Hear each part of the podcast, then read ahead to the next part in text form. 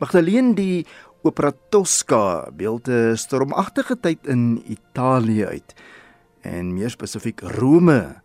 Eh, vertel vir ons 'n bietjie ter inleiding die verhaal van Tosca. Tosca speel af in 'n tyd waar daar vreeslike politieke onrus was in nie net Italië en Rome nie, maar ook in die res van Europa. Dit is min of meer 12 jaar na die Franse Revolusie waar Napoleon Bonaparte die tafeldoek onder almal uitgeruk het en waar konings en koninginne onthoof word van hulle trone af. So ons is in die 1900s, spesifiek die 14de Junie 1900 en die plekke waarna verwys word in Sardou se oorspronklike toneelstuk van dieselfde titel Tosca is baie spesifieke plekke. Hierdie plekke sluit natuurlik die Sant'Andrea della Valle kerk in wat nou nog in Rome is waar die eerste bedryf van die opera plaasvind. En daarna gaan dit na die Palazzo Farnese waar Tosca die kantata uitvoer en waar Scarpia ook vir Cavaradossi sleg indoen. En daarna gaan ons na die Castel Sant'Angelo waar Angelotti voorheen van ontsnap het. En dit is dan hier waar Cavaradossi op die ouene uit oorleef word deur Scarpia en waar Tosca haar lewe neem. Die komponis Puccini het nogal groot bydrae gelewer tot die opera kunsvorm met Tosca, soos die gebruik van leitmotiewe en dan byna geen recitativos. Die musiek het as dit ware in mekaar gevloei. Tosca is een van die drie bekendste operas wat Puccini gekomponeer het en ehm um, ook een van die drie wat hy saam met die librettiste Ilika en Giacosa gedoen het.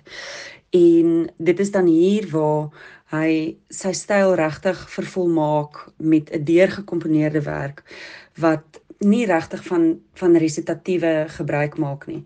En as resitatief is wanneer die sanger amper in 'n praatagtige styl begin praat soos wat mens baie in die vroeë operas byvoorbeeld um, Mozart se operas hoor. So Puccini het regtig die die styl van opera kuns verander en na Verdi wat gesien was as die soort van groot hero of opera in in Italië het Puccini gekom en regtig uh, 'n nuwe styl geskep wat amper meer filmies was waar die drama ehm um, die eerste ding is wat wat ons hoor in sy musiek. En dit is dan ook hoekom sy operas vandag so so baie opgevoer word oor die hele wêreld. Daar is die drie hoofkarakters waarvan twee kunstenaars is. Tosca, 'n sanger en Mario, 'n skilder. Dit is byna net soos La Bohème en dan natuurlik die tiran Scarpia.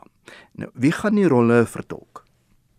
So Tosca is 'n sangeres, maar in Sardou wat die wat die oorspronklike Franse toneelspel geskryf het, sê dat sy 'n skaapwagteres was wat toe deur nonne ingeneem was en later 'n opera sangeres ge, gemaak is deur 'n bekende komponis wat haar gehoor sing het en haar haar soort van ingeneem het en haar geleer het. En Mario is 'n kunstenaar dit is wel 'n klein bietjie soos La Bohème, maar hy is in ons produksie 'n ander tipe kunstenaar. Hy is in ons produksie 'n glaskunstenaar wat baie um, interessant is.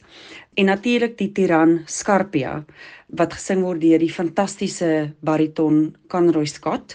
Hy is een van ons permanente soliste by Kaapstad Opera en saam met hom word Tosca en Mario Cavaradossi ook deur van ons soliste gesing. Tosca is Nobulunko Mgteza en Mario Cavaradossi is Lucanio Muyake. Hierdie opera vereis 'n groot geselskap en die musiek is groots en daar is heelwat tonele met skares. Hoe het julle dit oorkom? So hierdie produksie is um een van ons grootstes in 'n uh, 'n uh, hele aantal jare. Uh dis baie opwindend want ons het oor die 60 mense op die verhoog. Um en natuurlik nog die hele simfonieorkes ook in die pit. So dit is regtig 'n wonderlike geleentheid om 'n klomp ekstra mense te kan inkry.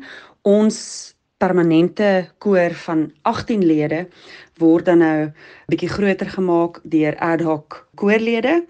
En ons het ook 'n nuwe kinderkoor begin by Kaapstad Opera wat ongelooflik opwindend is. En dit is dan nou die eerste keer wat ons so 'n groot kinderkoor op die verhoog het in in 'n hele klomp jare en ek sal amper sê dekades. En daar gaan 28 kinders by hierdie produksie betrokke wees. Die interessante deel natuurlik is dat die die koor toer nie saam met ons na Johannesburg toe nie. So wanneer ons in Johannesburg is, het ons dan dieselfde hoeveelheid mense op die verhoog van Johannesburg en omliggende areas. Ons ehm um, ons kinderkoor kom van Pretoria en Johannesburg en dieselfde met die met die groot menskoor. Dis altyd opwindend om na 'n opera te kyk wat in periode kostuums aangebied word. Wie daarmee help, asook die beligting en die dekor. Ons stelling kostuums is ontwerp deur Marita Visagie en Leopold Senekal en dit gaan absoluut ongelooflik lyk. Ons beligting speel ook 'n baie groot rol binne in die stel en daad ons vir Oliver Hauser gebruik wat onlangs Buddy se beligting gedoen het en enige iemand wat dit gesien het kon sien wat 'n ongelooflike kunstenaar hy is. En ons hoop dat um, met hierdie produksie om regtig baanbrekers werk te doen wanneer dit kom by beligting en musiek wat saamwerk. Julle tree eers in Johannesburg op en later in Kaapstad. Wat is die datums? In Johannesburg tree ons by die Joburg Theater op en dit open op die 21ste Julie en ons speel al die pad deur tot die 30ste Julie. En in Kaapstad in Kaapstad se Operahuis is ons in September van die 12de September tot die 17de September. Hoe voel jy as opera regisseur om weer 'n vollengte opera op te voer met 'n volledige orkes en koor. Groot operas is natuurlik altyd die meeste pret en ook die meeste werk, maar dit hierdie is definitief ons grootste produksie wat ons doen na Covid en ons is ongelooflik opgewonde daaroor.